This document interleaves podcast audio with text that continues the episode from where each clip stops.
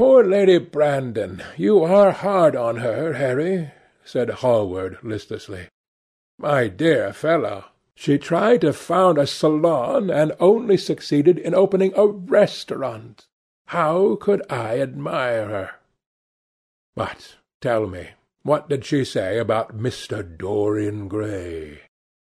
"Oh, something like, 'Charming boy. Poor dear mother and I absolutely inseparable. Quite forget what he does. Afraid he doesn't do anything. Oh yes, plays the piano. Or is it the violin, dear Mr. Gray?'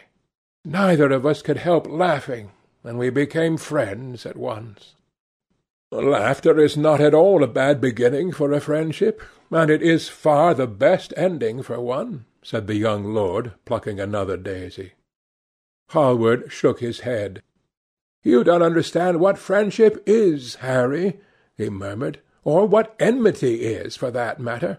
You like every one; that is to say, you are indifferent to every one." "How horribly unjust of you!"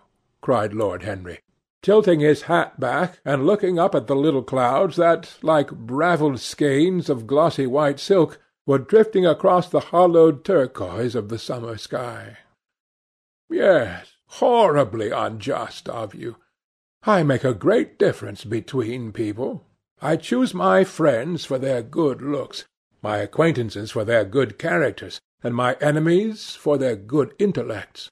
A man cannot be too careful in the choice of his enemies. I have not got one who is a fool. They are all men of some intellectual power, and consequently they all appreciate me. Is that very vain of me? I think it is rather vain. I should think it was, Harry. But according to your category I must be merely an acquaintance. My dear Basil, you are much more than an acquaintance, and much less of a friend, a sort of brother, I suppose. Oh, brothers! I don't care for brothers. My elder brother won't die, and my younger brothers seem never to do anything else. Harry! exclaimed Hallward, frowning. My dear fellow, I am not quite serious, but I can't help detesting my relations. I suppose it comes from the fact that none of us can stand other people having the same faults as ourselves.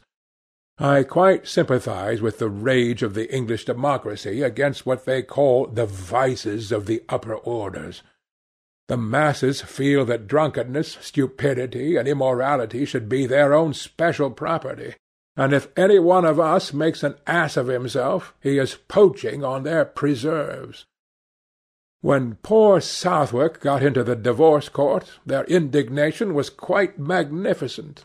And yet I don't suppose that ten per cent of the proletariat live correctly. I don't agree with a single word that you have said, and what is more, Harry, I feel sure you don't either. Lord Henry stroked his pointed brown beard and tapped the toe of his patent leather boot with a tasselled ebony cane. "How English you are, Basil! That is the second time you have made that observation. If one puts forth an idea to a true Englishman, always a rash thing to do, he never dreams of considering whether the idea is right or wrong. The only thing he considers of any importance is whether one believes it oneself.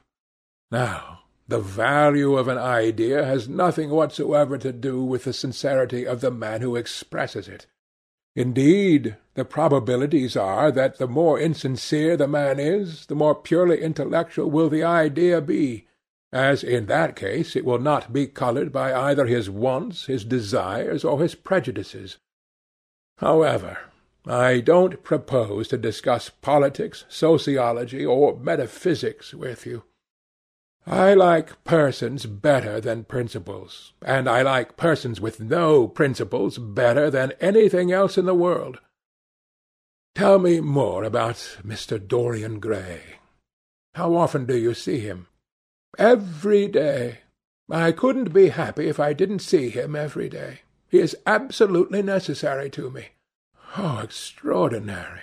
I thought you would never care for anything but your art. He is all my art to me now, said the painter gravely. I sometimes think, Harry, that there are only two eras of any importance in the world's history. The first is the appearance of a new medium for art, and the second is the appearance of a new personality for art also. What the invention of oil painting was to the Venetians, the face of Antinous was to late Greek sculpture, and the face of Dorian Gray will some day be to me. It is not merely that I paint from him, draw from him, sketch from him. Of course I have done all that. But he is much more to me than a model or a sitter. I won't tell you that I am dissatisfied with what I have done of him, or that his beauty is such that art cannot express it. There is nothing that art cannot express, and I know that the work I have done since I met Dorian Gray is good work is the best work of my life. But in some curious way, I wonder will you understand me, his personality has suggested to me an entirely new manner in art, an entirely new mode of style. I see things differently. I think of them differently. I can now recreate life in a way that was hidden from me before a dream of form in days of thought. Who is it that says that? I forget, but it is what Dorian Gray has been to me. The merely visible presence of this lad, for he seems to me little more than a lad, though he is really over twenty, his merely visible presence.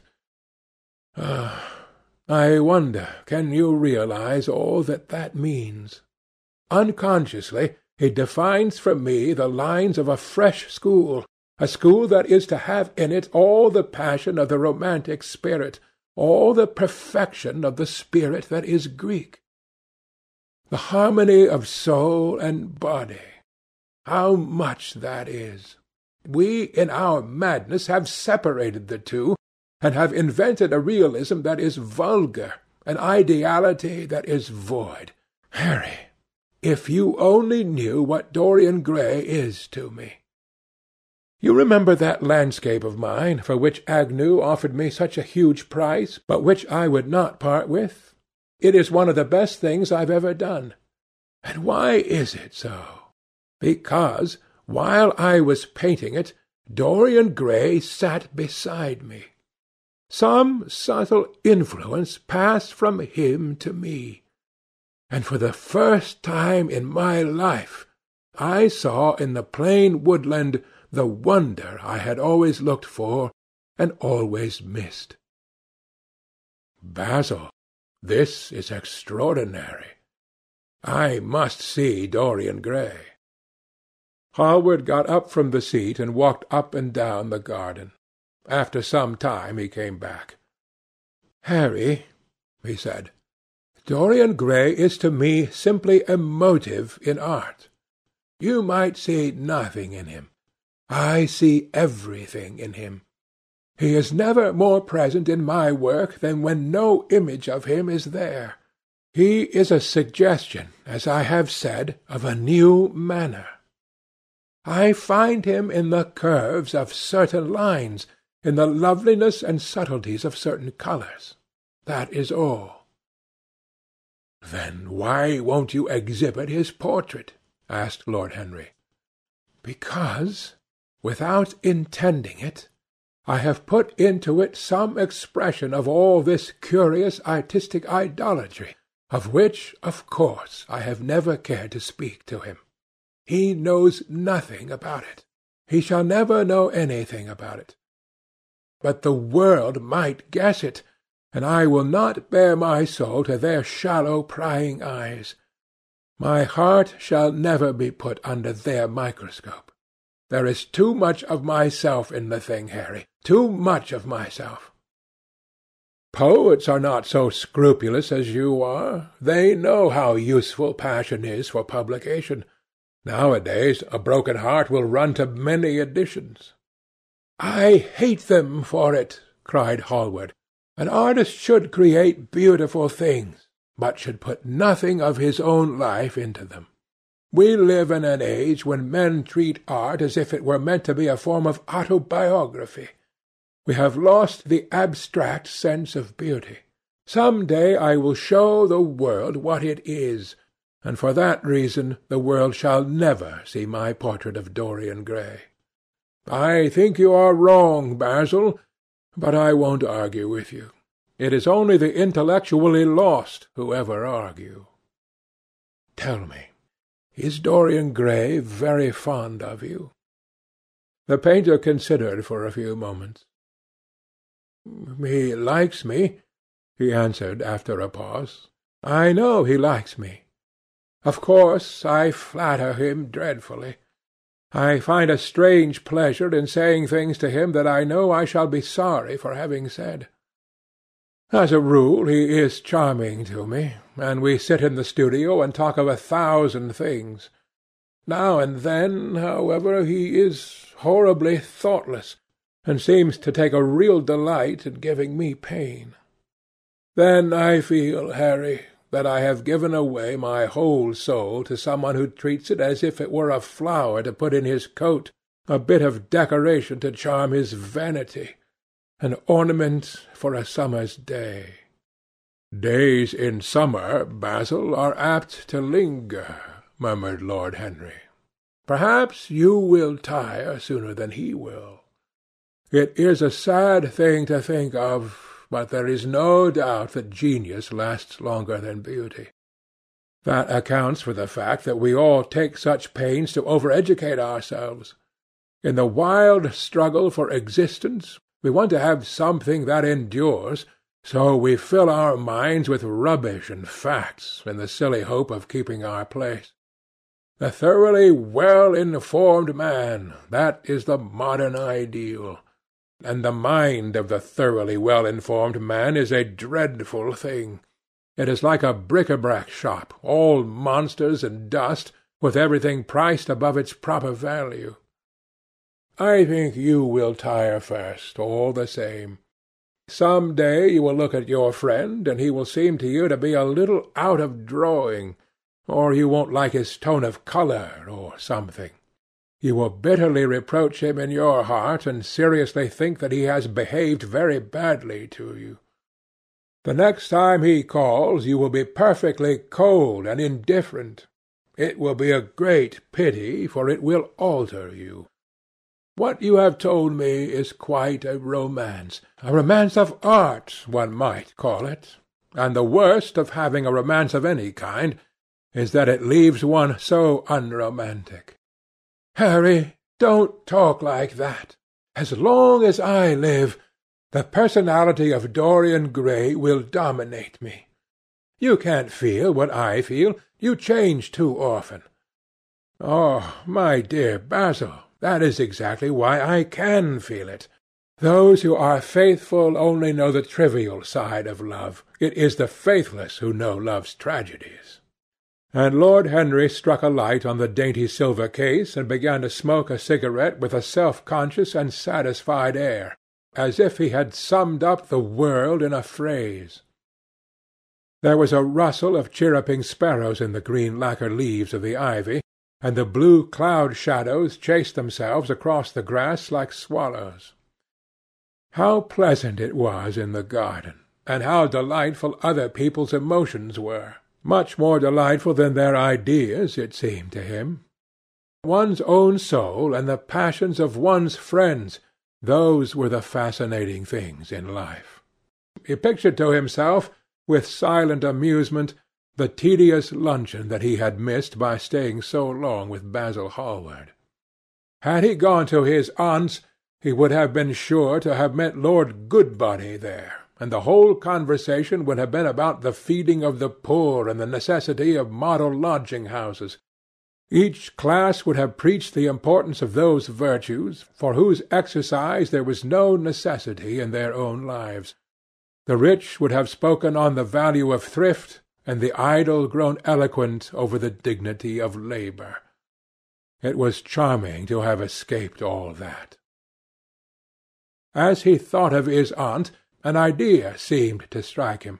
He turned to Hallward and said, "My dear fellow, I have just remembered." "Remembered what, Harry?" "Where I heard the name of Dorian Gray." "Where was it?" asked Hallward with a slight frown. "Don't look so angry, Basil. It was at my aunt Lady Agatha's. She told me she had discovered a wonderful young man who was going to help her in the East End, and that his name was Dorian Gray. I am bound to state that she never told me he was good-looking. Women have no appreciation of good looks; at least, good women have not. She said that he was very earnest and had a beautiful nature. I at once pictured to myself a creature with spectacles and lank hair horribly freckled, and tramping about on huge feet. I wish I had known it was your friend." "I am very glad you didn't, Harry." "Why?" "I don't want you to meet him." "You don't want me to meet him?" "No." "Mr. Dorian Gray is in the studio, sir," said the butler, coming into the garden.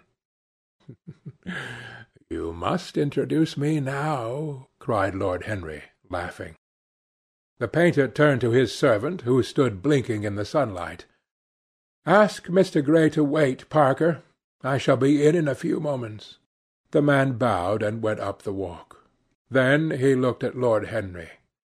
"Dorian Gray is my dearest friend," he said. "He has a simple and a beautiful nature. Your aunt was quite right in what she said of him. Don't spoil him. Don't try to influence him. Your influence would be bad. The world is wide and has many marvellous people in it. Don't take away from me the one person who gives to my art whatever charm it possesses. My life as an artist depends on him. Mind, Harry, I trust you."